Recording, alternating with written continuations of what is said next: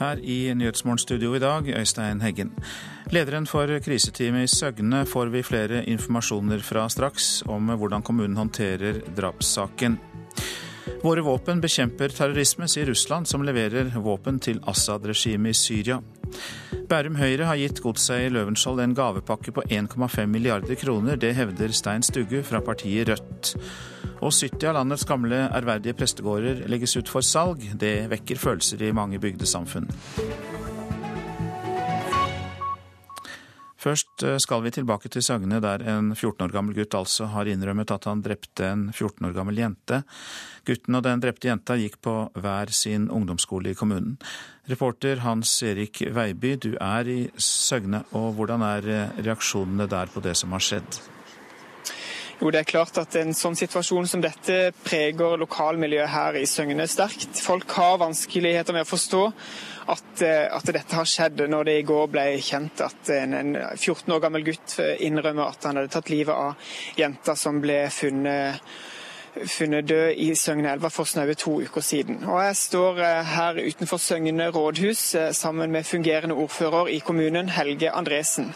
Og Jeg kan jo spørre deg, Andresen, hvordan, hvordan preger dette Søgne nå i går og, og i dag? Ja, dette er jo en nesten uvirkelig hendelse som har skjedd. Det er jo så usigelig trist at det er jo vanskelig å beskrive det. Og det er klart at folk tar jo dette inn over seg i aller høyeste grad. Altså Nå er jo begge ungdomsskolene i kommunen ramma. Hva, hva, gjør det med, med skolene, og hva, hva, slags arbeid gjøres på disse skolene i, i dag? Ja, Det blir gjort et omfattende arbeid fra, fra kriseteamets medlemmer og, og, de samarbeidspartnerne. Både i forhold til disse to familiene og i forhold til skolene. Jeg er ikke oppdatert eh, nøyaktig hva som skal skje på skolene i dag, men jeg vil jo formode at rektorene kommer til å samle disse klassene og eh, ha en samtale med dem og en orientering med dem, sammen med et legeteam eller et, eh, og, og helsesøstre og psykologer og hva som de måtte finne nødvendig. Hvordan er kommunen rusta til å, å, ta hånd om noe som dette her? Altså, nå er jo to mindreårige involvert i dette, og en, en har tilstått et, et, drap. Hvordan er kommunen rusta til å gjøre, å gjøre, dette arbeidet? Ja, I utgangspunktet må jeg jo si at det er ingen forventer at sånne ting skal skje. Men når først det har skjedd, denne tragedien, så jeg tror jeg nok kan trygt si at uh, vi har et kriseteam som er veldig profesjonelt, og som kan takle dette så godt som det lar seg gjøre å takle det.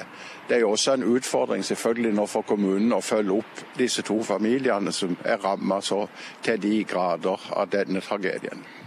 Altså, som fungerende ordfører, hva, hva, hvordan reagerte du i går når du fikk høre eh, utviklinga i saken i går?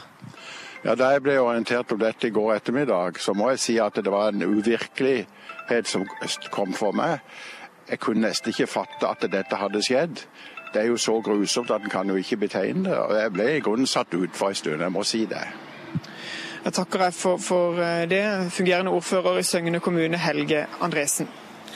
Det sa reporter Hans Erik Veiby.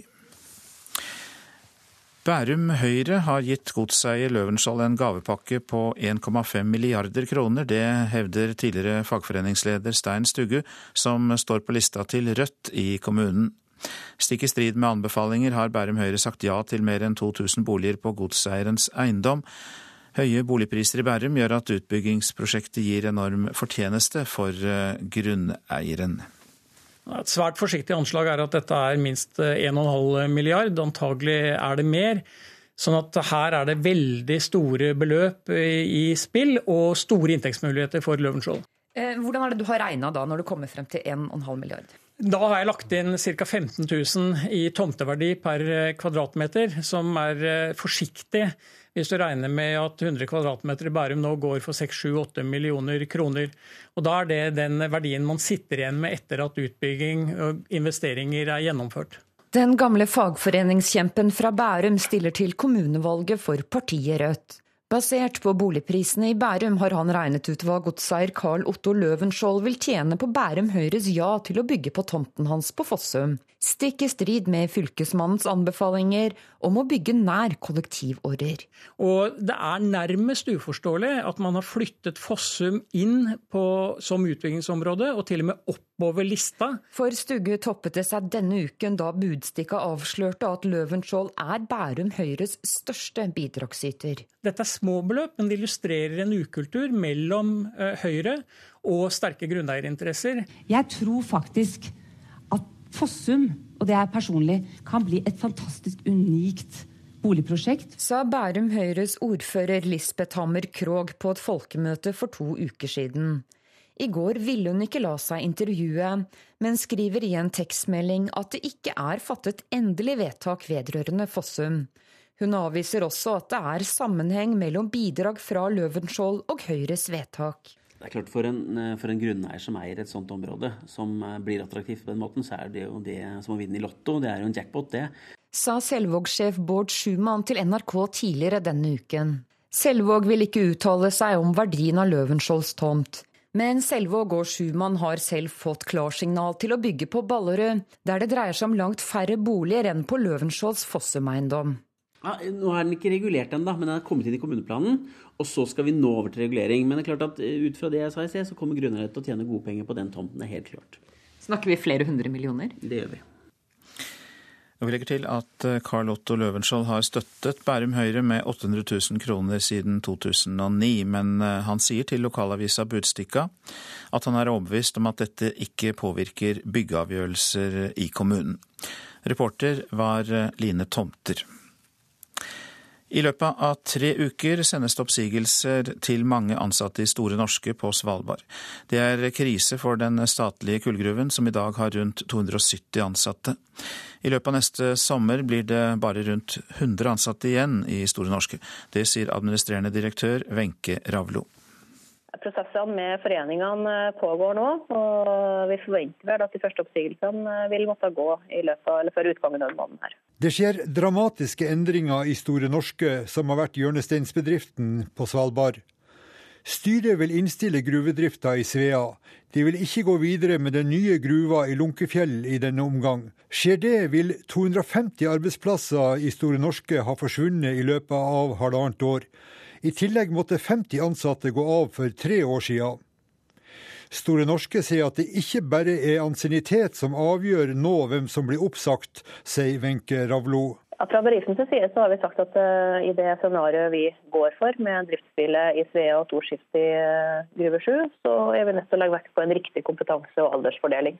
For de ansatte i Store Norske er dette en svært vanskelig tid, sier hovedtillitsvalgt Arild Olsen. Samtidig så må man jo sørge for at de som blir igjen, er i stand til å kunne ta bedriften eh, med, med fremover. Vi må gi dem en reell sjanse for å lykkes i oppgaven. Så det er vanskelig å balansere. Så det blir ikke bare ansiennitet som uh, man legger til grunn ved oppsigelser? Jeg vil ikke uttale meg akkurat på dette tidspunktet hvordan eh, det vil bli, men jeg ser jo allerede nå at det kan bli utfordrende.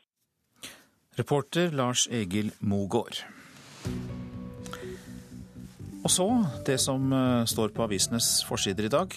30 personer arbeidet i det skjulte for å få frigitt IS-gissel, skriver Aftenposten. Opprørsgruppen som tok Ole Johan Grimsgaard Ofstad til fange i slutten av januar, forhandlet med norske myndigheter, men skal senere ha solgt gisselet til terrorgruppa Den islamske staten IS. Familien til Grimsgaard Ofstad trodde han skulle på en studietur til Midtøsten, det kan vi lese i VG. Kun den nærmeste familien visste om kidnappingen. Gisseltakingen handler først og fremst om penger, makt og propaganda, sier terror- og Syria-eksperter til Dagsavisen. Grimskar Ofstad kan ha blitt kjøpt og solgt flere ganger før han endte opp hos IS. Betal løsepenger, Norge bør revurdere sin politikk, det sier Pål Refsdal, som selv var gissel i Afghanistan, til Vårt Land. IS har eh, løslatt gisler fra flere europeiske land, bl.a. Sverige, Danmark, Spania, Tyskland og Frankrike, etter at det trolig er betalt løsepenger, mens britiske og amerikanske gisler er blitt henrettet. Flyktninger gir større ulikhet, sier migrasjonsforskeren Grete Brochmann til Klassekampen. Den norske modellen er under press og tåler ikke å få en etnisk basert underklasse. Hun etterlyser politisk lederskap i en tid med økt innvandring. Rema 1000 taper terreng, Kiwi og Coop Extra tar markedsandeler på bekostning av Rema. Det er oppslaget i Dagens Næringsliv. Nye overtagelser av Ica-butikker har ennå ikke fått effekt. Det er svaret fra kommunikasjonsrådgiver Janette Johnsen i Rema. Mindre fjøsbygging med Erna er dagens oppslag i Nasjonen. Investeringene i nye fjøs og landbruksbygg er redusert med 50 000 kvadratmeter årlig etter at Erna Solberg og Sylvi Listhaug inntok regjeringskontorene, viser en spørreundersøkelse avisa har fått tatt. Og fjæra full av danske ølbokser. Folk i Nord-Norge har i vår og sommer kunnet plukke uåpnede ølbokser langs store deler av kysten. Nordlys har etterforsket saken og funnet ut at varene trolig stammer fra et skip på vei fra Danmark til Island, med drikkevarer fra bryggeriet Royal Unibrew. Og de bekrefter nemlig at skipet ble truffet av tre monsterbølger utenfor Torshavn og mistet en av konteinerne i havet. Resten tok havstrømmene seg av. For første gang på flere sesonger er ikke Vålerenga blant favorittene når årets ishockeysesong starter i kveld.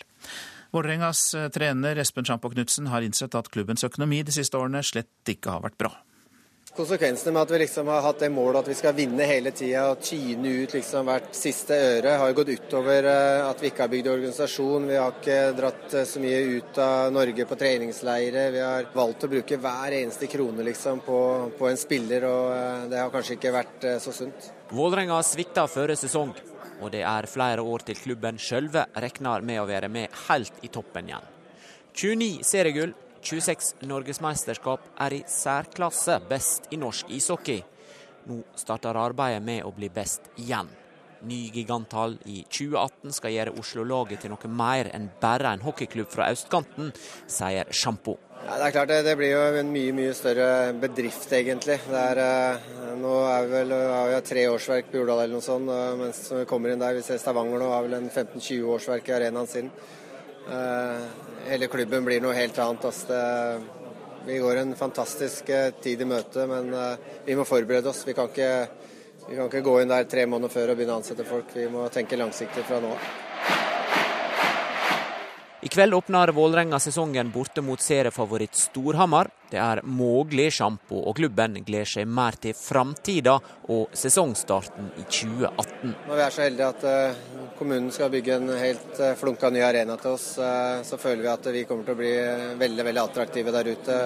Både for spillere og sponsorer. Og selvfølgelig da satse på å stille et fantastisk sterkt Vålerenga-lag i den første sesongen der. Jeg kan ikke se noen mørke skyer over den framtida vår akkurat nå. Trener Jesper Sjampo Knutsen til reporter Ole Rolfsrud. Dette er Nyhetsmorgen. Klokka er nettopp passert eh, kvart på sju. Dette er hovedsaker.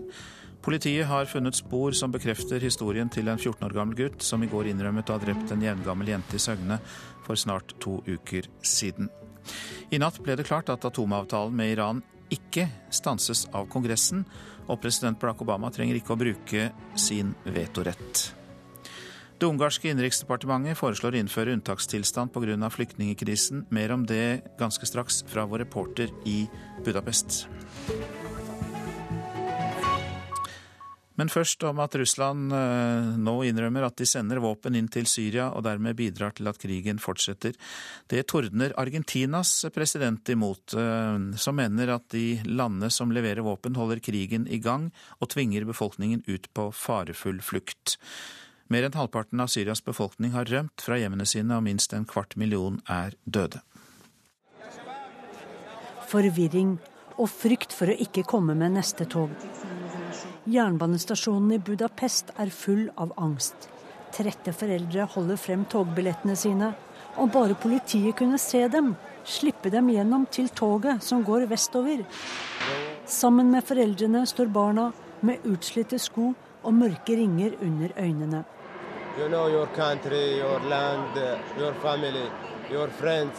Hjemmet mitt, vennene mine, familien. Alt sammen er i Syria, sier Mohammed Hesham. Sure Selvsagt er jeg opprørt, for jeg ønsker ikke å reise. You know the... Men det finnes ikke noe mer for oss i Syria lenger. Han er kledd i blå jakke, blå caps og er synlig sliten og lei seg. Syriakrigen er inne i sitt femte år, og kampene fortsetter så lenge partene får våpen. En av våpenleverandørene er Russland. I lang tid har landet vårt levert våpen til den syriske regjeringshæren. Russiske militærrådgivere instruerer og bistår syrere inne i landet, sier talsperson Maria Sakharova fra det russiske utenriksdepartementet. Våpnene vi leverer, er et bidrag for å bekjempe terroristtrusselen i Syria og Irak, sier den russiske talskvinnen. I tillegg til Russland selger også Iran våpen til Assad-regimet. Qatar har støttet religiøse opprørsgrupper med våpen, mens Saudi-Arabia har støttet andre fraksjoner av de mange gruppene som både bekjemper president Bashar al-Assad og hverandre. Argentinas president Cristina Fernandez de Kirchner er rasende på landene som selger våpen, og dermed holder krigen i gang.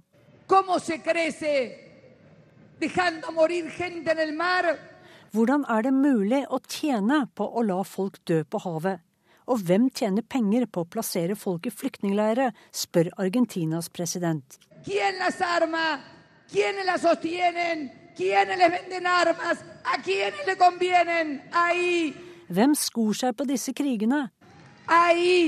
Spørsmålene må stilles, så de ikke tror at vi er idioter, sier den argentinske presidenten opprørt.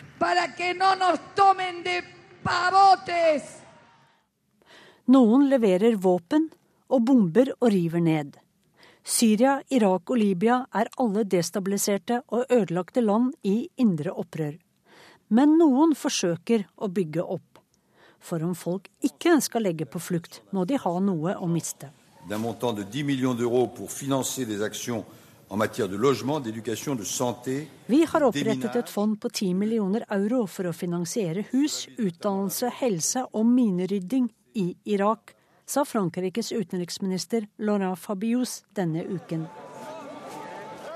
Men før det er nok som holder irakere og syrere tilbake, vil de fortsette å flykte til togstasjonen i Budapest og lete etter et tog vestover. Reportasjen var laget av Sissel Wold. Det ungarske innenriksdepartementet foreslår å innføre unntakstilstand pga. flyktningkrisen. Ungarn har slitt med å håndtere den store tilstrømningen av migranter og flyktninger som kommer da via Balkan fra Hellas. Bare i august kom det rundt 50 000 mennesker til landet. Og Korrespondent Morten Jentoft, du er i Budapest. og Hva vil det bety for flyktningene dersom Ungarn innfører unntakstilstand, slik eh, Innenriksdepartementet foreslår? Ja, Dette er jo en del av en, en, en større pakke da, som uh, ukrainske myndigheter, nei, uh, ungarske myndigheter vil vedta da i, i, i, neste uke.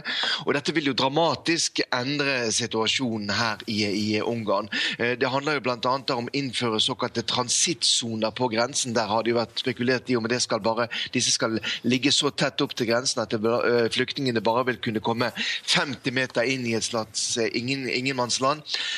Og, og der vil da på på en måte i, i, i, får hastebehandlet sine søknader, og eventuelt sendt tilbake igjen til, til Serbia. Fordi um, Ungarn mener jo da at uh, Serbia er et trygt land for flyktninger. sånn at uh, Med disse nye lovene så mener de også at de da har rett til å sende flyktningene tilbake igjen til, til, til Serbia. Sånn at Dette vil jo også gi um, politiet, og kanskje også militæret, utvidede fullmakter til å håndtere flyktningene som kommer til landet. Og Kritikerne mener jo at dette sterkt da vil forverre deres rettssituasjon. Ungarn har jo lagt ut piggtråd, nå bygger de da ferdig sitt grensegjerde mot Serbia. Hvordan er forholdet mellom de to landene etter dette? Ja, eh, Forholdet mellom uh, Ungarn og, og, Serbia har jo vært eh, i, for så vidt normalisert da de siste årene. Men det er klart at hvis da ungarerne som et EU-medlem velger å eh, lempe denne krisen over på EU-søkerlandet Serbia, så kan jo det raskt forverre situasjonen på, på, grensen og skru utviklingen langt, langt tilbake. Vi skal huske på at det har jo vært en, en, en, åpning, en normalisering mellom forholdene forholdet mellom disse to landene. Jeg var nede på grenseovergangen eh, senest i går der nede i, i, i Røske. Der har man jo da bygget en ny, moderne grenseovergang. Nå ser vi at piggtråder kommer opp igjen, gjerder kommer opp igjen. sånn at eh, hvordan dette politisk vil influere situasjonen i dette området, det, det får jo bare tiden vise. Kan hæren bli satt inn mot flyktningene, i hvert fall for å holde dem eh, utenfor landet? Ja, Det er jo det som man åpner for da med disse, eh, disse nye lovene som da skal vedtas i, i neste uke. Jeg så selv i, i, går da også hæren, som da har hatt en øvelse de siste dagene, eh, at det var kolonner med militære som var på vei sørover mot grensen. Eh, hvordan de skal settes inn, det vet man jo ikke, men det kan jo han, bl.a. handle om å patruljere da dette nye grensegjerdet som bygges som erstatning for denne piggtråden som i all, all hast ble lagt eh, ut for eh, noen uker siden. Og eh, bare bildet av, av militæret som patruljerer en grense midt i Europa eh, i 2015, det vekker jo eh, dårlige assosiasjoner. Mange takk, korrespondent Morten Jentoft, som rapporterte for oss fra Budapest. Nå til eh, Myanmar, landet tidligere kalt Burma, som har hatt 50 år uten ytringsfrihet, men nå er kunstnerne i ferd med å finne sin plass. Mange unge uttrykker seg gjennom dokumentarfilmer, og filmfestivaler dukker opp i det tidligere militærdiktaturet. Regissørene vil vise fram det ekte Myanmar.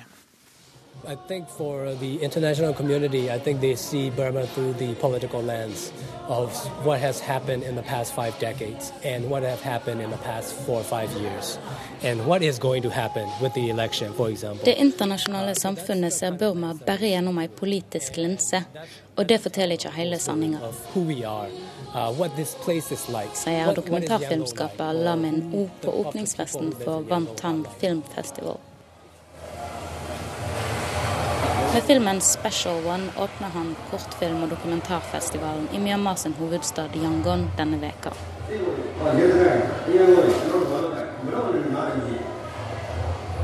Filmen om fiskeselgeren som elsker fotballaget Chelsea og kjøper laget sine trøyer til alle som jobber for seg, får fram mye humring i salen og stående applaus under rulleteksten. Uh, before 2010, it was more difficult for us to be, to be a documentary filmmakers. Uavhengig film i Myanmar har hatt liten sjanse til å blomstre under 50 år med militærdiktatur, forteller grunnlegger av festivalen, Kai Bi. But like Mainstream-film, mest i form av såpeopera produserte bare på DVD, er stor industri her. Men Vantan var den første scenen for dokumentar- og kunstfilm. Siden den starta som den første filmfestivalen like etter at landet fikk en ny sivil regjering for fire år siden, har det forandret seg. Selv om alle filmer fremdeles må gjennom et sensurstyre før de kan vises, er det flere filmer som tar opp temaer som er kontroversielle i Myanmar som religiøs konflikt, menneskerettsbrudd og militæret sin fremdeles svært sterke rolle. Likevel er det den vesle historien som gråt. Historien om enkeltmennesket, som fiskeselgeren som finner lykka gjennom å se Chelsea vinne på bortebane. I think there are stories that could be told that are universal uh, everywhere, that are not Lamin O ord vil vise universelle verdier i de små uh, historiene. That, that is the kind of angle that I want to take the audience to. I want to show something a little bit different. Og Maria Piles Svåsand snakket med unge regissører i Myanmar. Nå til eh, landets eh, prestegårder, dvs. Si Norges, eh, for 70 av dem legges ut for salg, og det skjer etter at boplikten for prester ble opphevet 1.9. i år. Opplysningsvesenets fond, som eier de fleste prestegårdene, vil kvitte seg med utgifter. Men det vekker følelser i mange bygdesamfunn. Det, er trist, altså. Vi står i høstsol på Vestre Gausdal prestegård. Hovedbygningen fra 1700-tallet er fredet og dermed viktig kulturhistorie. Men ikke viktig nok for eieren. De vil selge 70 slike prestegårder. Vi har i dag 430 boliger, og det er et mye større eh, ansvar enn det vi har økonomi til. Sier avdelingsdirektør i Opplysningsvesenets fond, Bernt Aas. Presteboligen her har stått tom i flere år, og sakte, men sikkert vil mange av landets presteboliger tømmes etter at boplikten for prester ble oppheva 1.9. Å selge tradisjonsrike prestegårder blir som å rive hjertet ut av bygda, mener prest Kristin Vinseth Mo. Og som jeg virkelig tror folk vil kjenne på den dagen eh, den blir solgt, altså. Ja, det kan jeg godt skjønne. Vi har gjort så godt vi har kunnet, men oppgaven har vært større enn det vi har hatt ressurser til. Så nå vil fondet bruke ressurser på de 140 prestegårdene de anser som viktigst for kirka å ta vare på. Oppløsningen av boplikten kom vel veldig fort, da. Så, så, når denne prestegården nå plutselig står på salgslista, så, så føler jo ikke at menighetsrådet og fellesråd i Gausdal at de har fått mene noe om det. Reporter her, det var eh, Torunn Myhre. Så litt om eh, været fram til midnatt. Langfjella først. Liten østlig kuling utsatte steder i vest. Stort sett oppholdsvær og perioder med sol. Fjell i Sør-Norge unntatt Langfjella. Oppholdsvær og perioder med sol. Og det samme gjelder Østlandet for øvrig. Det blir oppholdsvær og perioder med sol i dag. Vi går til Vest-Agder, Aust-Agder og Telemark. Fra i ettermiddag østlig liten kuling på kysten av Vest-Agder. Oppholdsvær. Fra i ettermiddag kan det bli spredte regnbyger i dette området. Rogaland øst og sørøst liten kuling utsatte steder. For det meste lettskyet pent vær. I kveld enkelte regnbyger i sørøstlig strøk av Rogaland. Hordaland og Sogn og Fjordane ser vi samlet. Det blir lokal morgentåke, ellers for det meste pent vær. Møre og Romsdal og Trøndelag tåke på kysten, ellers for det meste pent. Nordland stort sett pent vær. Troms på kysten lave tåkeskyer, men ellers pent. Finnmark på kysten i nord periodevis vestlig stiv kuling. På kysten også delvis skyet oppholdsvær, men ellers i Finnmark stort sett pent vær. Og så går vi til Nordensjøland på Spitsbergen. Fra i ettermiddag blir det vestlig liten kuling, og eh, det blir regn. Temperaturer målt klokka fem i natt. Svalbard lufthavn to grader, Kirkenes sju, Vardø ti, Alta fire, Tromsø-Langnes seks. Bodø og Brønnøysund begge 11. Trondheim-Værnes 8. Molde 10. Bergen-Flesland 9. Stavanger 11. Kristiansand-Kjevik 9 grader. Gardermoen og Lillehammer begge med 7. Og så dukker det opp minusgrader i eh, Røros. Det blir minus, det er minus 3 grader der. Og Oslo-Blindern hadde pluss 12 da klokka var fem i natt.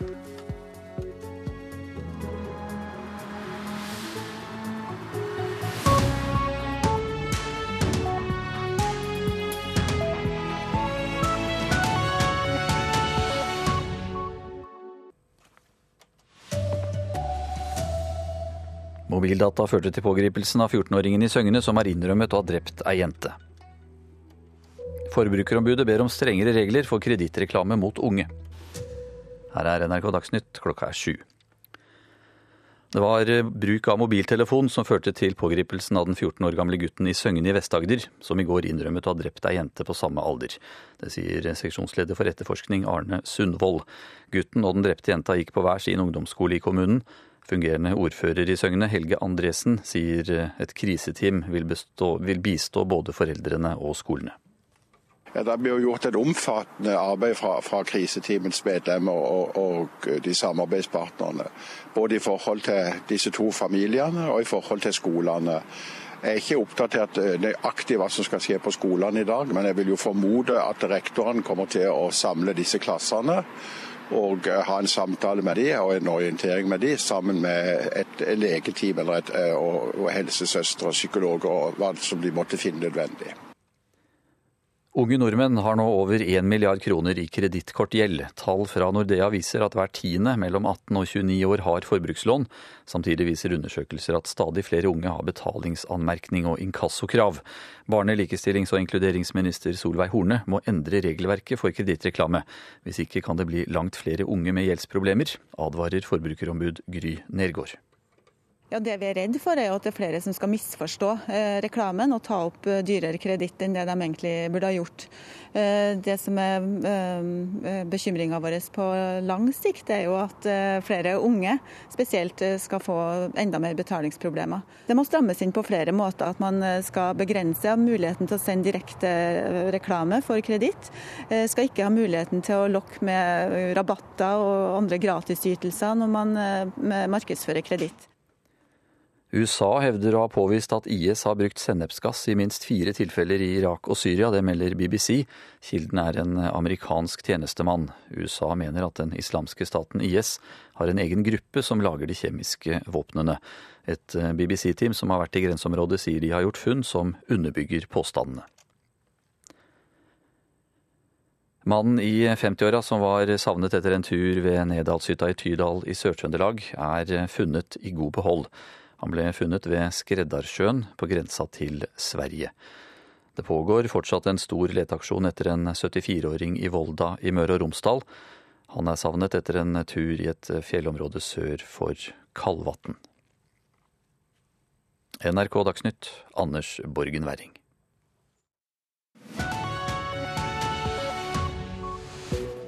Nyhetsmorgen fortsetter med disse sakene. Skaff bevis for at det norske gisselet lever, er rådet fra en britisk sikkerhetsekspert til den norske regjeringen. Vi henter inn råd fra en forbrukerforsker til ungdom som sliter med kredittkortgjeld, som vi hørte om i Dagsnytt nettopp.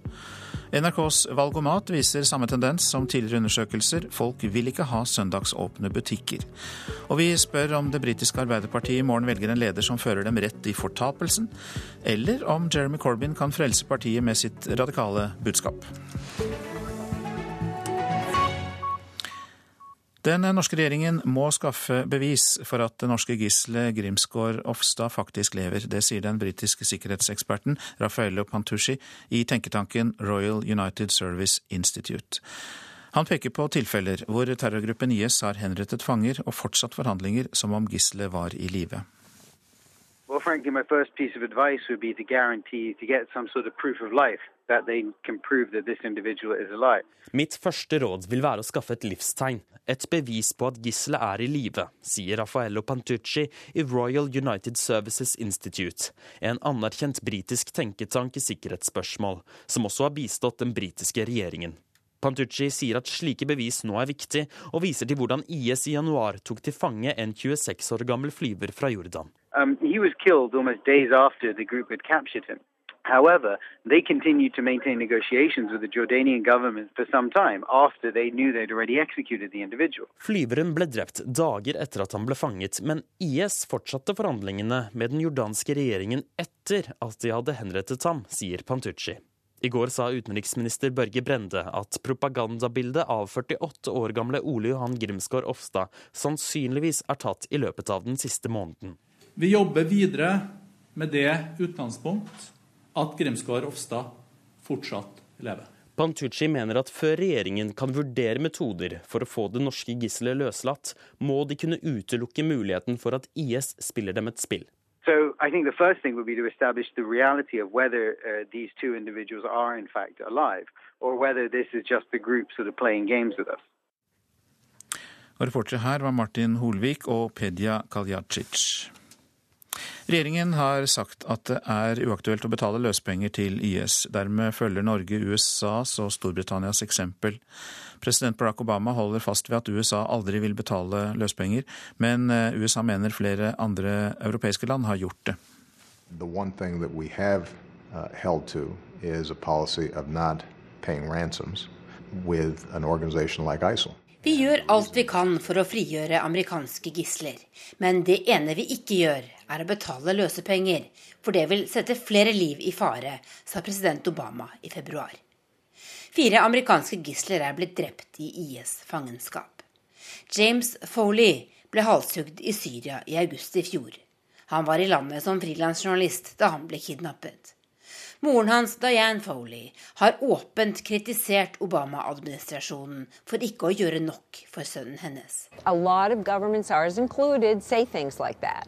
Ransom increases kidnapping. We haven't seen any research. De sier at løsepenger ikke virker. Men jeg har ikke sett noen forskning som viser at dette stemmer, sa hun til Sky News noen måneder etter at sønnen ble drept. Flere europeiske land skal ha betalt løsepenger til IS. Frankrike benektet å ha gjort dette etter at fire kidnappede franske journalister ble satt fri. Men det har vært spekulasjoner om store løsepenger både i den saken og i saker som omhandler spanske og tyske gisler, bl.a. Deborah Tice har i mer enn tre år ventet på livstegn fra sønnen Austin, som ble kidnappet i Syria i 2012. Hun ber amerikanske myndigheter vise større fleksibilitet.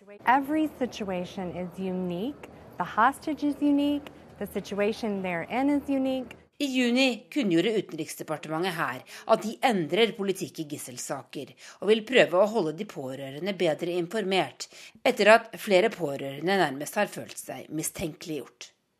Samtidig understreker president Obama at USA flere ganger har forsøkt å få frigitt amerikanske gisler i risikofylte militæraksjoner. We devoted enormous resources and always devote enormous resources to uh, freeing captives or hostages uh, anywhere in the world. Og det var USA-korrespondent Tove Bjørgaas som hadde laget uh, dette innslaget.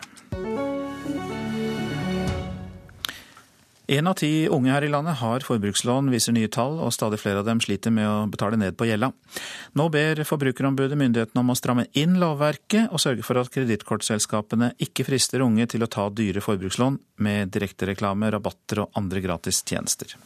Følelsen av å få penger uten å gjøre noe særlig enn å person om det er veldig godt. 28 år og rundt 1,5 million kroner i gjeld. Tom Roger Vestlum fikk kredittkort og tok sine første forbrukslån i starten av 20-åra. På internett fant han fristende låneordninger uten krav om sikkerhet. Jeg har jo kjøpt et par biler som jeg i hvert fall ikke har hatt råd til. Den ene hadde jo høyt forbruk, og det var liksom drømmebilen min. Og jeg søkte jo lån bare for moro skyld for å se om jeg fikk det, og jeg fikk det. Så det betyr ikke at du trenger å ta det. Hver tiende mellom 18 og 29 år har forbrukslån, viser nye tall fra Nordea. Og antall unge som sliter med betalingsanmerkning og inkasso øker. Vi er jo, syns jo det er bekymringsfullt. Sier Gry Nergård i Forbrukerombudet. Nylig tapte de mot et kredittselskap i Markedsrådet. Ifølge rådet er opplysninga 17,8 65 000. Fem år. Kost 30 872. TOT 95 872. I tråd med regelverket og nok til å forstå at et lån på 65 000 kroner er blitt til 95 000 etter fem år.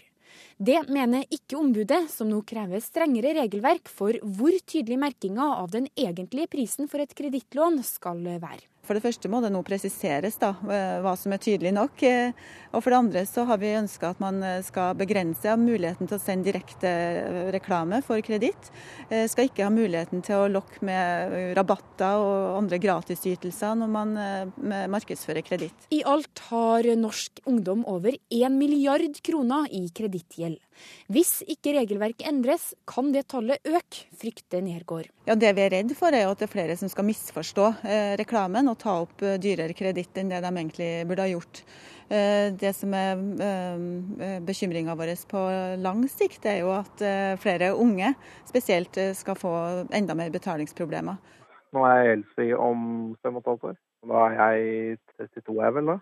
Det er et halvår siden Tom Roger fikk orden på økonomien gjennom TV-programmet Luksusfellen. Nå lever han på budsjett og betaler avdrag på millionlånet. Jeg ser frem til den dagen da jeg liksom kan begynne å, å bygge opp livet mitt på nytt igjen. Jeg føler jo selv at jeg kan ikke ha noe barn, jeg kan ikke ha liksom noen forpliktelser før gjelda mi er borte, fordi det tar ganske mye av, av den månedlige inntekten min. Kommer du noen gang til å ta eh, et eh, forbrukslån igjen? Nei. Det gjør jeg ikke.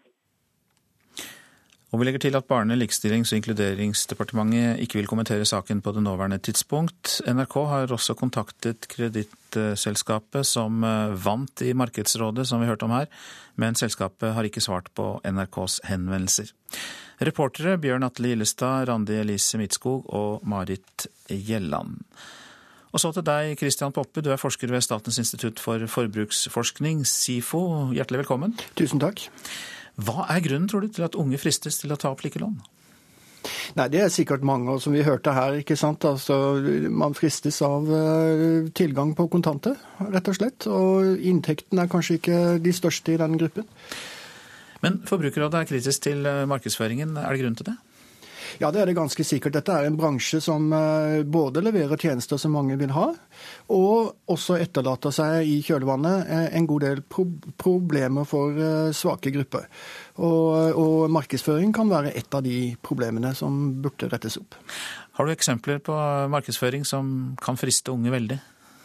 Nei, sånn akkurat her og nå så har jeg vel egentlig ikke det. Men det, det går jo veldig mye på det at man, at man ikke skal utsette nytelsen. Eh, heller utsette betalingen. Og, og, som man da hørte i innslaget her, så er det jo lett for, for eh, særlig unge kanskje å uh, miste kontrollen. Den forskningen dere driver med, hva viser den om tidspunktet for når et slikt lån går fra å være håndterlig til fullstendig uhåndterlig? Nei, Dette kan nok variere ganske mye.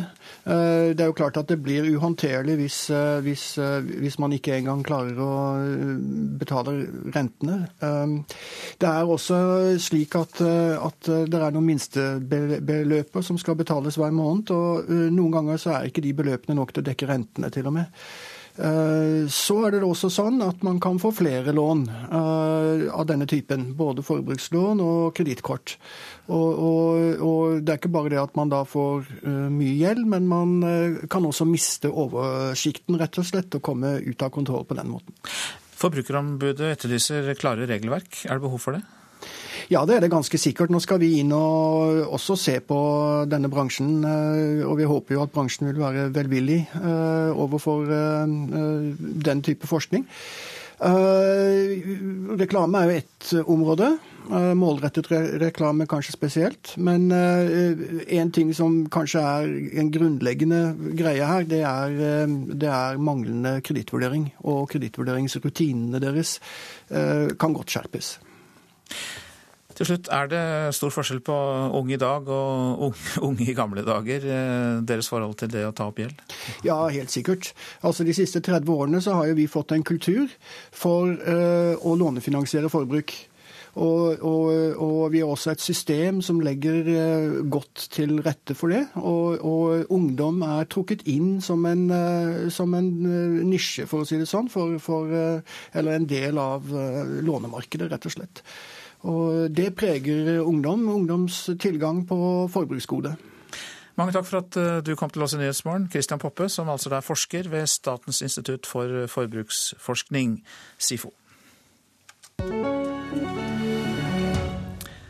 60% av de over 580 eh, 000 som faktisk har sagt sin mening i NRKs Valgomat, er imot søndagshandel. Regjeringens eh, kommentar er at saken fortsatt er til behandling. Det var en drøm å se de resultatene. Det er en massiv motstand over hele landet. Det er reaksjonen fra KrF-leder Knut Arild Hareide. Eh, det er en enorm glede. Samtidig så er jo det vi er redd for, at en skal åpne opp for søndagsåpne butikker i enkelte kommuner. Og da er vi redd at det kan spre seg. Så vi eh, tenker dette er en viktig sak mot valget 14.9.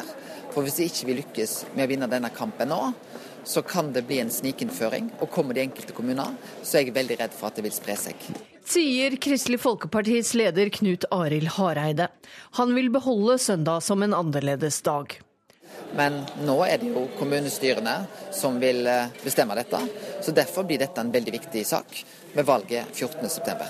En rekke privatpersoner, fagforeninger, arbeidsgiverorganisasjoner og butikkmedarbeidere har også mobilisert motstand mot å endre helligdagsloven.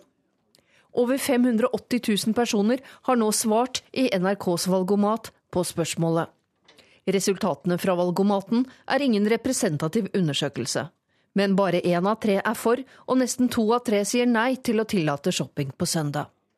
Og NRK spurte i går regjeringen om hvordan den tolker motstanden, og om det er aktuelt for regjeringen å snu i spørsmålet om søndagsåpent. Jeg vil jo da at de 14 kommunene som ønsker det, skal få anledning til å ha søndagsåpent. Og det er det dette handler om. Jeg skal ikke tvinge noen til å holde åpent, og jeg skal ikke tvinge noen til å handle. Men jeg mener at det er ikke min jobb å gå inn og blande meg bort i dette heller. Men det er ingen skam å snu, oppfordrer SV-leder Audun Lysbakken. Det bekrefter jo bare nok en gang at uh, det ikke er noe rop om søndagsåpne butikker i Norge. Tvert imot så er det et stort flertall både på målinger og ser det ut som uh, i valgomaten som ønsker å beholde søndagen som en annerledes dag, som en fridag for flest mulig. Uh, og jeg tror regjeringen nå snart gjør klokt i å begynne å lytte til hva folk faktisk mener. Dere har jo sagt det lenge, og et flertall på Stortinget sier det jo. Eh, næringslivet sier det, og arbeidstakerne sier. Hva er det regjeringen ikke ser som dere ser? Så Regjeringen har et ideologisk oppheng. Det er noe som eh, Høyre og Fremskrittspartiet har snakket om i mange år, eh, som de nå har oppdaget at folk ikke vil ha. Og da tror jeg regjeringen gjør klokt i å snu. Hvis ikke så framstår de som en rigid og stivbeint regjering som vil trumfe gjennom noe, bare fordi det står i partiprogrammet. Nå skal vi sette oss ned og diskutere diskutere en løsning på dette med Venstre. Eh, og i realiteten så handler dette om én ting. La kommunene få lov å bestemme det selv, og det mener jeg er en veldig god idé. Til slutt er finansminister Siv Jensen, reportere Hedvig Bjørgum, David Krekling og Erlend Kjernli. Politisk kommentator i NRK Magnus Takvam, vi bør vel understreke at eh, slike valgomater ikke er sånn representativ undersøkelse, men eh, hvor sikre kan vi likevel være på at det er en stor motstand mot søndagsåpne butikker? Altså, alle de meningsmålingene jeg har sett, viser at uh, det er en stor prinsipiell motstand mot uh, søndagsåpne uh, butikker. Opptil to tredjedeler av de som er spurt, sier det. Eh, nå har vi jo, som vi hørte her, endt opp med eh, et forslag der partiet Venstre, eh, som danner flertall med Høyre og Frp om dette, definerer hvordan det eventuelt skal ende opp. Og som vi har fått med oss, så, så handler det om at kommunene da skal kunne velge om de definerer seg som turistkommuner, og dermed kan åpne søndagshandel. Eh, det er fremdeles uklart hvor strengt dette vil bli. Eh, og jeg tror også at eh, særlig KrF, som jo har kjørt dette fram, i viktige kommuner kan få f.eks. både Høyre med seg på å si nei til søndags åpne butikker i f.eks. Stavanger, Kristiansand, Bergen osv. hvis det står om mm, byrådsmakt og makt i kommunestyret. Så så det er omtrent status for denne saken nå. Nå går jo eh, valgkampen mot eh, slutten. Jeg utfordrer deg litt til å svare på om det er noe som virkelig har preget denne valgkampen. Er det noe som har stått fram som de viktigste sakene? Altså, det er jo selvfølgelig det som har preget valgkampperioden, er flyktningkatastrofen og, og, og den eh, humanitære krisen Eh, med flyktninger fra Syria. Mm. Eh, og det har da selvfølgelig slått inn også i eh, lokalvalgkampen. I saker som er relevante i den sammenheng, som alle har fått med seg, spørsmål om bosetting, FrPs utspill, deres manglende score på å ha dette utspillet, det har vært en, en viktig tråd. Ellers så så, så, sliter en kommunevalgkamp med å gjøre den rikspolitiske debatten eh, relevant i en kommunesammenheng. Det tror jeg alle også har fått med seg. Eh, slik at de sakene som rikspolitikerne har forsøkt å eh, heise, f.eks. arbeidsledighet, f.eks. skatt, i begge disse eh, tilfellene så er svarene de to, fra de to hovedopponentene Eh, såpass når det gjelder arbeidsledighet, såpass like og for skatt såpass uklare at det liksom ikke har mobilisert i stor grad. Så det er noen elementer. Helt til slutt, Magnus Takvam. Eh, tre kjappe steder vi skal følge ekstra godt med på på valgnatten? Ja, altså Det er jo Oslo, Bergen eh, og ja, Tromsø. Eh, Bodø det var litt mer enn tre. Men det er klart at særlig Oslo og Bergen, eh, med det fokuset og så jevnt eh, det har vært, vil bli liksom thrillerne valgnatten. Og spenningen er også hvor, hvor, sent man må være oppe for å få med seg de aller siste stemmene i de to, to byene. Interessant natt for politiske nerder og kanskje en del andre også. Hjertelig takk, Magnus Takvam, politisk kommentator i eh, NRK.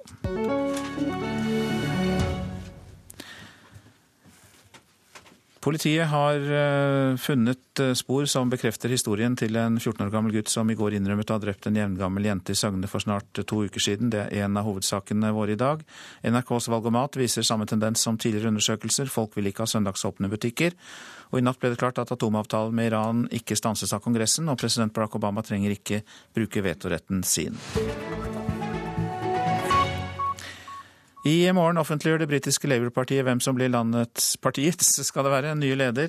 Kontroversielle Jeremy Corbyn er favoritt, og Øyvind Brattberg, du er eh, førstelektor ved Institutt for statsvitenskap ved Universitetet i Oslo og Storbritannia-kjenner. Vi kan jo gripe fatt i min forsnakkelse. Eh, blir han landets leder?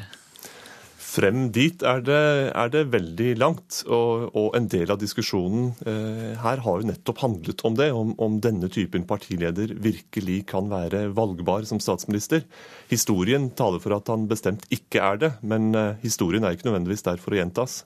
Det er jo så mange som sier akkurat det, at han er ikke valgbar. Han, klarer ikke å, han kan få partiet, men han klarer ikke å få med seg landet. Men er det noe ved ham også som kan virke moderne, og som trekker til seg ungdom? For det er vel et faktum at han klarer? Det gjør han, og det er et, på mange måter et, et paradoks. Eh, Corbyn er parlamentsmedlem og har vært det i over 30 år. Han er på, på mange måter en, en gammelsosialist av, av legning og står for en real venstredreining eh, av den sorten. Samtidig har han skapt noe som minner om en moderne sosial bevegelse. Eh, har vekket et utrolig engasjement blant ungdom, en veldig medlemsvekst. Og det er en, en, et faktum at, at, han har sugd til seg en, en voldsom entusiasme på grasrota, og det skal man ikke kimse av. Er det krefter i partiet som eh, kommer til å motarbeide han, hvis det da blir han som blir leder i Labour, og vil prøve å kaste han ved første korsvei? Det er grunn til å, å tro at de vil motarbeide ham. Altså, man, Slutte rekkene må man jo når man har valgt en, en, ny leder, men at han vil bli møtt med voldsom skepsis i parlamentsgruppa, det er helt, det er helt opplagt. Eh, spesielt av alle de som mener de har lært eh, lærdommene av de siste jeg skal si, de siste tre tiårenes politikk, at eh, veien mot politisk makt ligger i sentrum, og at man aldri, aldri må gå inn på venstresidens blindveier. Så egentlig blir eh, nøkkelen for hans politikk, eller utfordringen hans, eh, hvordan eh, klare å appellere til velgere i sentrum, men med et så, såpass venstreorientert program? Ja, dette er jo, det er jo veldig overraskende, denne mobiliseringen som har funnet sted rundt Corbyn. Fordi diagnosen etter valgnederlaget i, i, mai var jo at, eh, fra de fleste hold i alle fall, at, at Labour manglet en sentrumsappell. De mangler den støtten blant middelklassen i Sør-England som, som Tony Blair i sin tid klarte å vinne.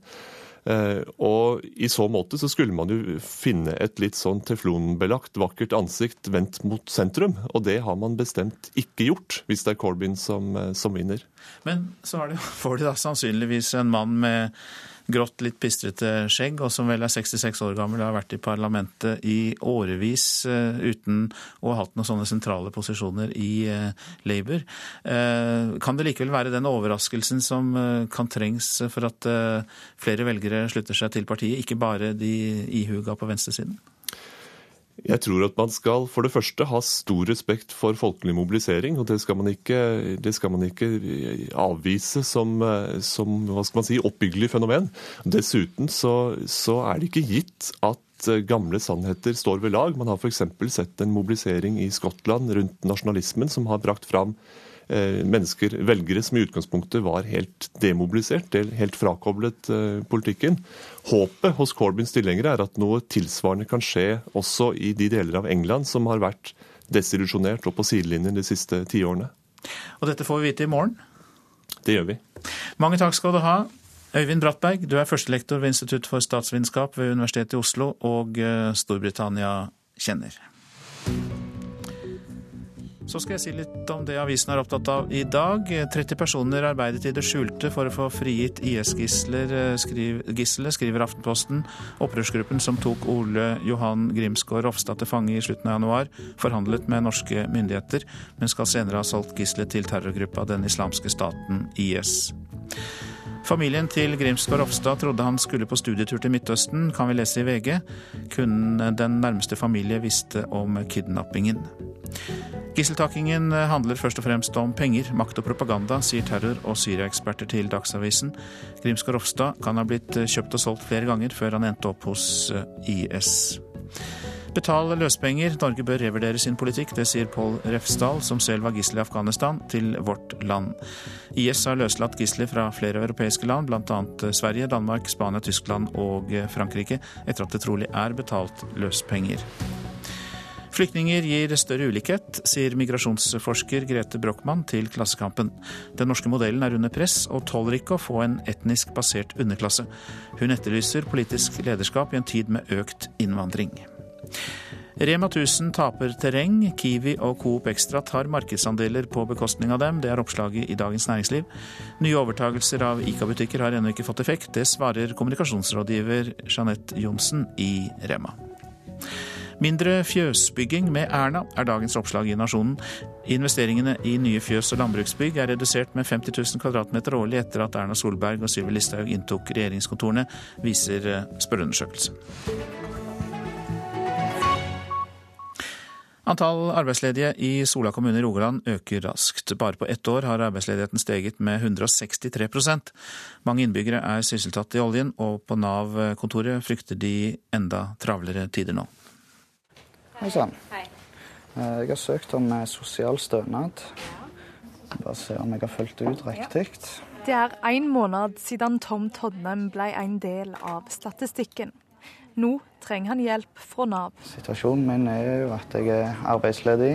Sliter litt med å finne jobb. Veldig få bedrifter innenfor det yrket jeg har jobbet tidligere, som søker, søker nye folk. Så det er da grunnen for at jeg skal søke støtte om bolig og ja, livsopphold. Men han er ikke alene. I Sola kommune har tallet på arbeidsledige økt med 163% på ett år og 510 solabuer står nå uten jobb. Men det er ikke tilfeldig at Sola har blitt hardt rammet, forteller ordfører i kommunen, Ole Ueland. Det er klart Vi er en kommune der veldig mange har arbeidet sitt i olje- og gassnæringen. Og det ser vi nå spesielle utslag av. Så det er klart, på lang sikt så må vi få bredere, et bredere næringsgrunnlag og sørge for at vi har òg andre typer arbeidsplasser og ikke er så sårbare som det vi er nå. Vi er sterkt urolige for hvordan vi skal håndtere det fremover. Forteller Nav-leder i Sola, Marit Ladsten. Hvis utviklingen fortsetter sånn som nå, så det er veldig vanskelig å håndtere så stor mengde som det har vært nå i det siste. Så jeg, på et eller annet vis må vi snu internt, og så er det jo ikke tvil om at um, vi skulle hatt mer ressurser nå. Tallet på utlyste stillinger har også gått kraftig ned i kommunen. Og for de som allerede er på søken etter ny jobb, er det tøft. Det å gå hjemme, ikke helt uh, mitt ess. Det er absolutt ingenting spennende med det. Reporter var Kjersti Hetland. Produsent for Nyhetsmorgen i dag, Kari Bekken Larsen. Her i studio, Øystein Heggen. Kommentarer til partilederdebatten og den politiske situasjonen i Stavanger og Tromsø er temaene i Politisk kvarter, som begynner rett etter Dagsnytt klokka 7.40.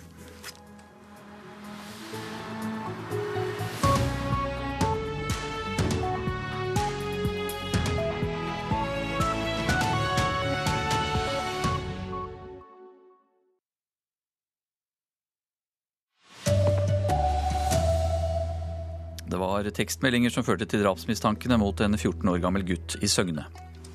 IS har lurt andre før. Regjeringen må skaffe bevis for at det norske gisselet i Syria lever, mener sikkerhetsekspert.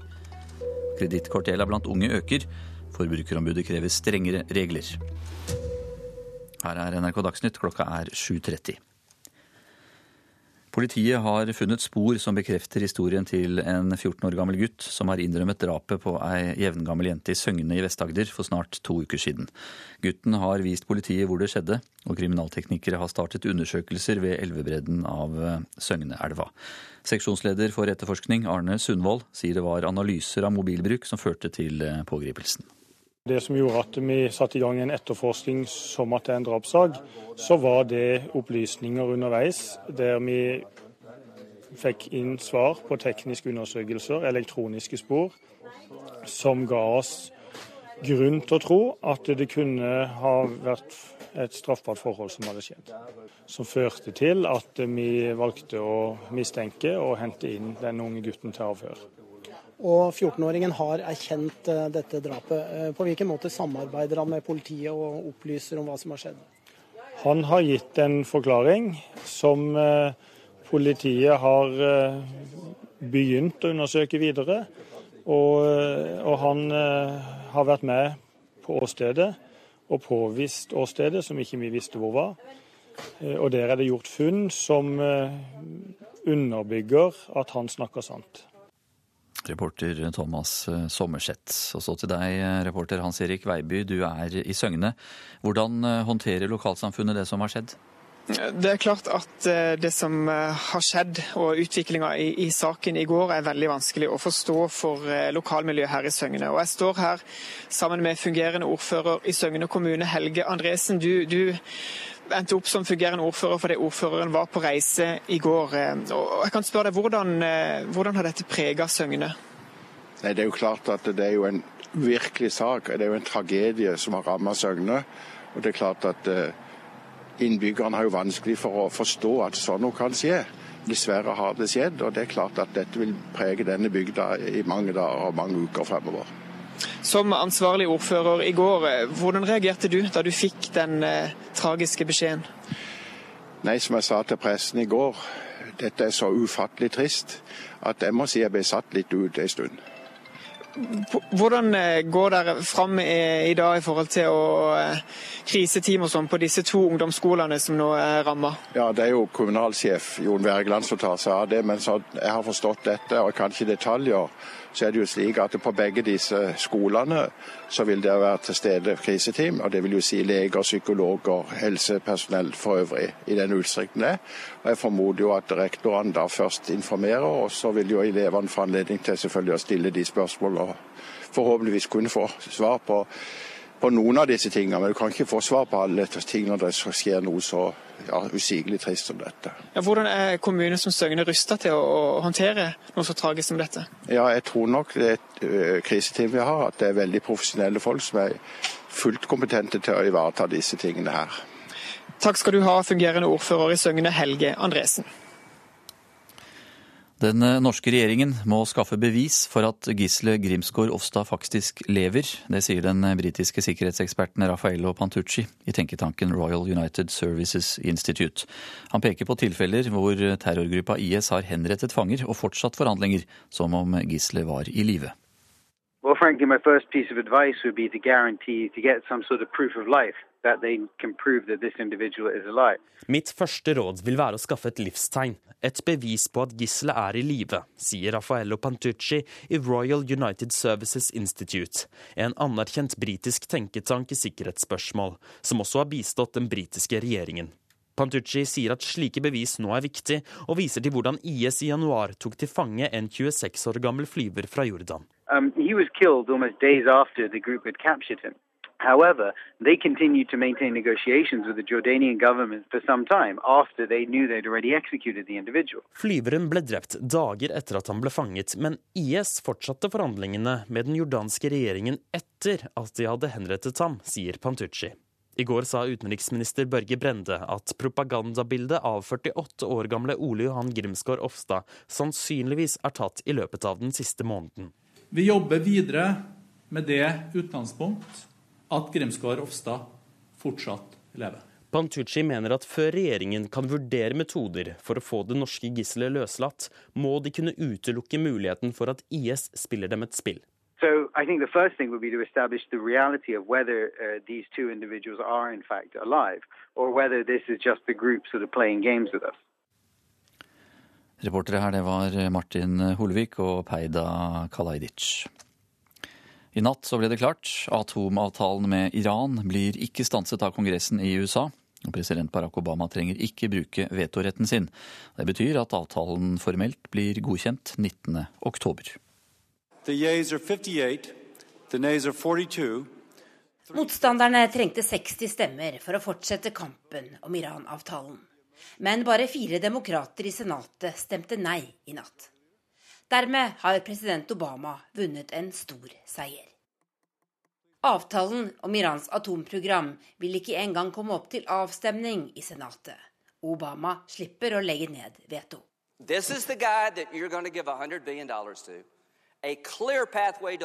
Dere har akkurat gitt ayatollahen 100 milliarder dollar og fritt leide til en atombombe, ropte republikaneren Lindsey Graham fra talerstolen i natt i en opphetet debatt. Hele det republikanske flertallet stemte mot, men tapte altså likevel. Det gjorde også pro-israelske lobbygrupper, som har brukt mer enn 300 millioner kroner på kampanjer mot avtalen. Nattens hendelse er juvelen i kronen for president Obamas utenrikspolitikk. Han har lagt enorm prestisje i forhandlingene, og staben hans har brukt sommeren til å overbevise skeptiske demokrater til å stemme ja. I oktober vil avtalen bli formelt ratifisert. Deretter skal den settes ut i livet i løpet av neste år. Tove Bjørgaas, Washington. Lederne i Storbritannia, Tyskland og Frankrike forsvarer atomavtalen med Iran i en eh, felles kronikk. I denne kronikken som er eh, publisert i avisa Washington Post, så sier eh, David Cameron, Angela Merkel og Francois Hollande at de tror avtalen kan ha løst konflikten rundt det iranske atomprogrammet for godt. Tusenvis av unge har forbrukslån. Stadig flere klarer ikke betale gjelda. Forbrukerombudet ber nå myndighetene sørge for et strengere regelverk for eh, kredittreklame mot eh, unge. Hver tiende unge voksen har i dag forbrukslån, viser tall fra Nordea. Og ombudet frykter det kan bli flere.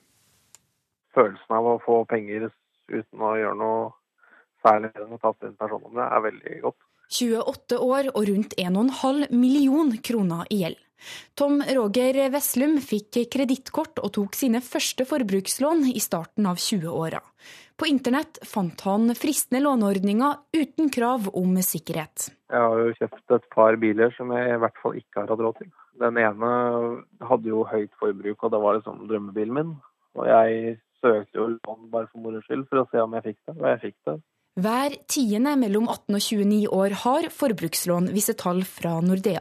Samtidig øker antall unge med betalingsanmerkning og inkasso. Vi jo, syns jo det er bekymringsfullt. Sier Gry Nergård i Forbrukerombudet, som er redd flere unge får økonomiske problemer hvis ikke Barne-, likestillings- og inkluderingsdepartementet endrer regelverket for markedsføring mot barn og unge. Det må strammes inn på flere måter. At man eh, skal begrense muligheten til å sende direkte eh, reklame for kreditt.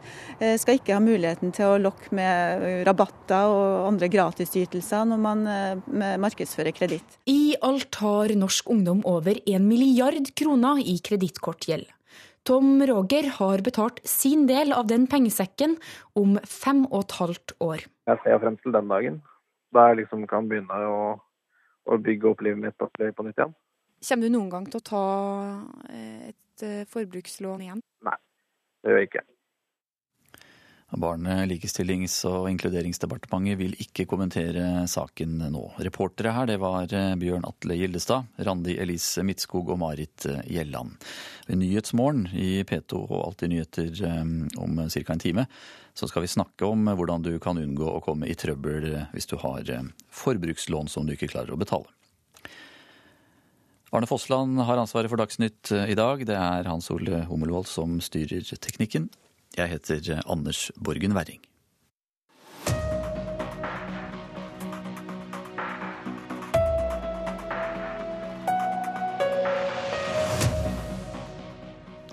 Nixon hadde glemt å barbere seg. Jagland mistet ansikt i 1997. Karl Ivar stirret rett i kamera. De store TV-debattene kan være avgjørende. Og i kveld har vi kommet til den avsluttende partilederdebatten, valgkampens høydepunkt på NRK. Bortsett fra Politisk kvarter, da. Kloke hoder sitter klare for å tenke høyt. Det er et politikerfritt valgkvarter. Professor og valgforsker Anders Todal Jensen, god morgen. God morgen. Vi må nesten begynne med Nixon. Hva skjedde? Ja, Dette er jo av de mer anekdotiske dataene vi har innenfor valgforskninga. Men historia går omtrent sånn at uh, Nixon han var ikke nybarbert uh, under den store debatten mot Kennedy i 1960. Uh, og den unge, sjarmerende Kennedy han utstrålte denne litt svartsmuskede Nixon-typen, og vant valget med en ganske beskjeden margin. Og tanken er at det flyttet velgerne? Ja, tanken er det. Og argumentet er at eh, de som fulgte debatten på TV, de stemte mer på Kennedy, mens de som altså fulgte den på radio, de stemte for Nixon i større grad. Kunne noe slikt påvirket en norsk valgkamp? Det er et veldig vanskelig eh, spørsmål. Vi vet jo at partiledernes popularitet har eh, betydning. At de trekker stemmer, og at det de sier eh, tillegges mer vekt. At det oppfattes som mer saklig, som viktigere osv. av publikum. Men vi skal jo også være klar over at det er store forskjeller på det amerikanske politiske systemet, der man har personvalg, direkte presidentvalg, og det norske, der vi stemmer på lister, og partiene står helt sentralt. Debatten i 1997 trekkes ofte fram med Torbjørn Jagland der. Hva var det som skjedde der som man mener da faktisk påvirka, eller kunne påvirke valgresultatet? Ja, Kort fortalt så handla det jo om eh, at eh, Jagland tok opp som en sak at Kristi Folkeparti subsidiert hadde stemt for skjenkeløyver i Oslo, altså utvida skjenkeløyver. og han mente da at dette viste at KrF ikke var så standhaftig i sin alkoholpolitikk. Eh, som eh, de påsto. Og Svarstad Haugland gikk i rette med Jagland på dette, og beskyldte han rett og slett for eh, å lyve. Og det å rette en anklage om løgn mot en sittende statsminister, det er jo en meget dramatisk ting. Så det kom en utrolig nerve inn i den debatten. Dere har forsøkt å måle effekten av TV-debatter også. Hva gjorde dere?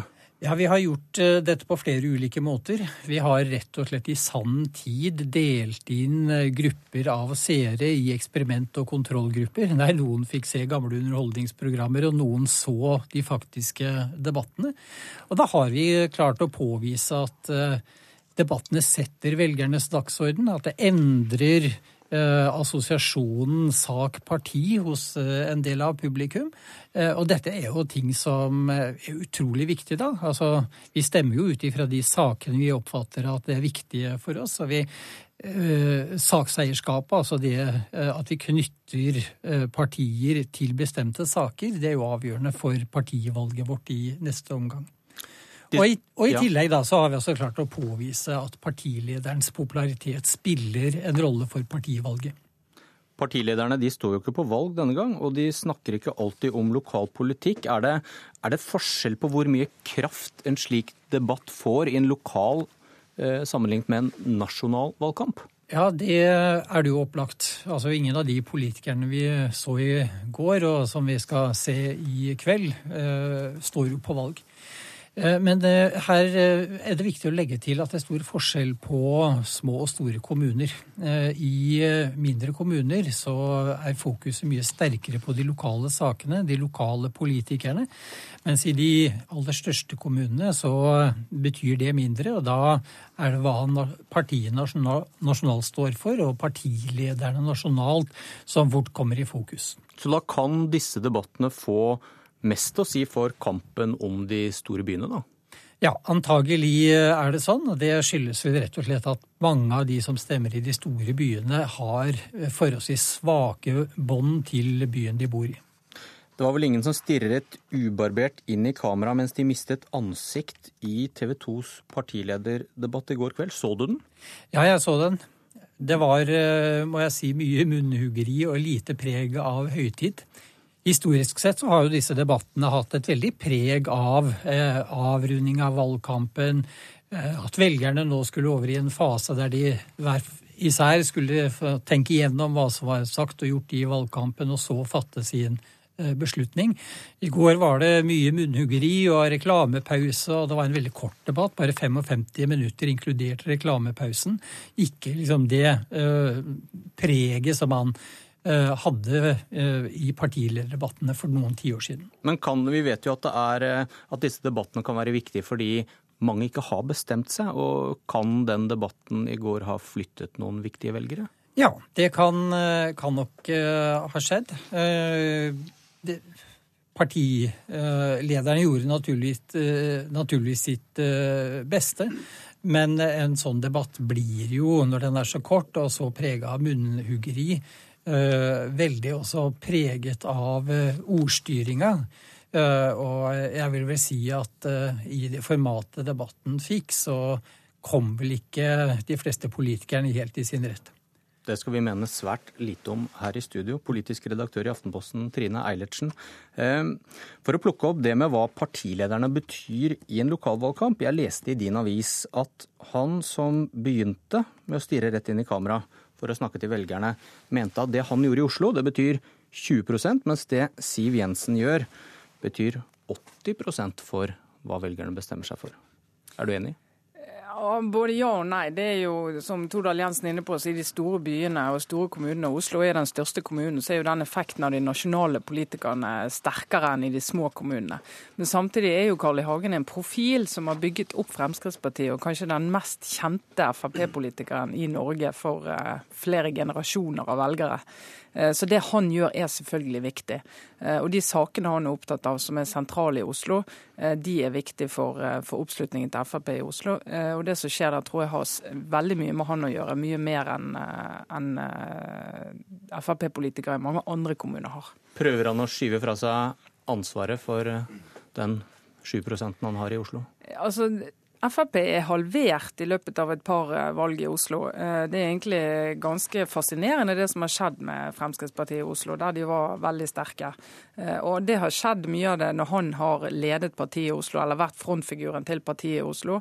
Og det er Carl I. Hagen må, hvis han går i seg selv, så er det klart at han har i hvert fall noe med dette å gjøre. Han kan ikke peke på Siv Jensen. Politisk kommentator i NRK Magnus Takvam, i kveld har partiledernes siste sjanse til å overbevise velgerne, eh, eller til å gjøre seg bort. Eh, hvem vil du si har mest å hente da, på å gjøre en eh, god figur? Det er klart at begge de to store partiene, Høyre og Arbeiderpartiet, har jo det i utgangspunktet, fordi de kan dra ekstra velgere i de, store byene, som dere har vært inne på. Ellers så vil jeg si at uh, Fremskrittspartiet også, uh, som har kommet uh, Som kom skjevt ut, vil jeg si, i, i, valgkampen med sitt utspill om bosetting i, i kommunen av flyktninger.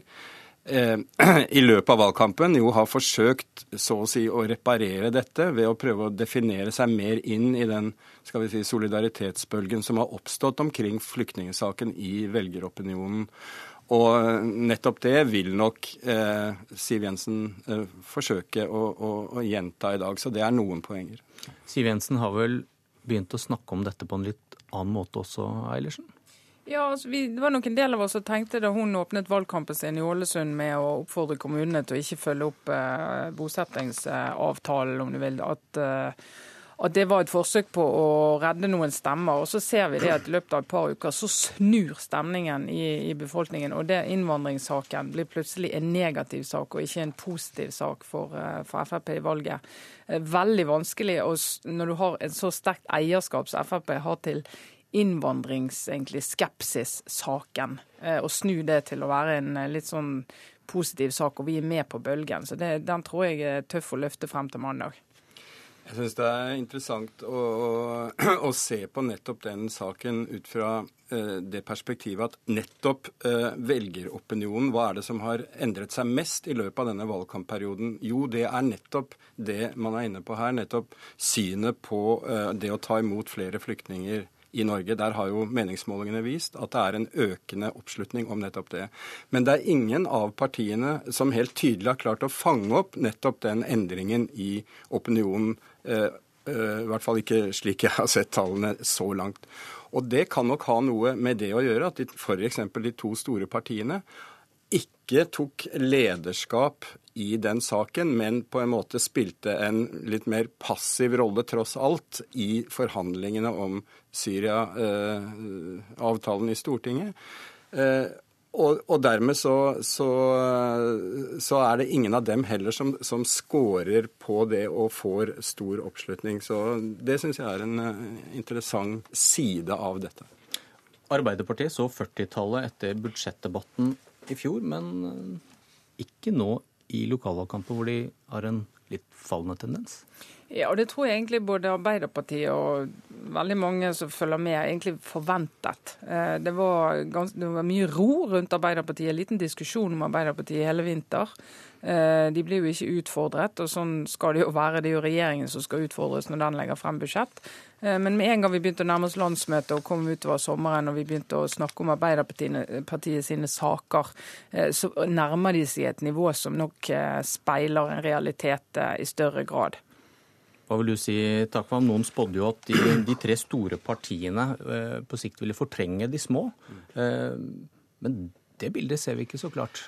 Nei, i hvert fall ikke i dette valget. Selvfølgelig så må vi minne om at både Høyre og Arbeiderpartiet gjør ser ut til å gjøre anstendige valg. Eh, for man sammenligner dem jo med gode valg for begge partier i 2011. Eh, Arbeiderpartiet gjorde den gang sitt beste valg siden 1987, og også Høyre gjorde et kjempevalg. slik at de har fremdeles ligger an til å gjøre anstendige resultater. Men det, det som er et trekk litt under radaren f.eks. For, for Arbeiderpartiet, er at i en del regioner så taper Arbeiderpartiet til mindre partier. F.eks. Innlandet, Sogn og Fjordane, så gjør Senterpartiet det veldig bra. Eh, litt på bekostning av Arbeiderpartiet og delvis også Høyre. Fordi Senterpartiet har denne motstanden mot de strukturreformene som regjeringen kjører på kommunereform, eh, politireform, høyskolesentralisering, sykehussentralisering osv. Det samme er, tendensen er litt på miljøfronten, eh, der Miljøpartiet tar en del velgere også fra Arbeiderpartiet som er opptatt nettopp av, av miljø. Og det er ikke over, Trine Eilertsen. 100-timersaksjoner er satt i gang? Ja, og det er siste helgen er det ganske mange hundre tusen velgere som bestemmer seg. Og når vi ser at eh, Erna Solberg reiser til Bergen eh, denne uken her for å holde peptalk eh, for Bergen Høyre, så er ikke det uten grunn.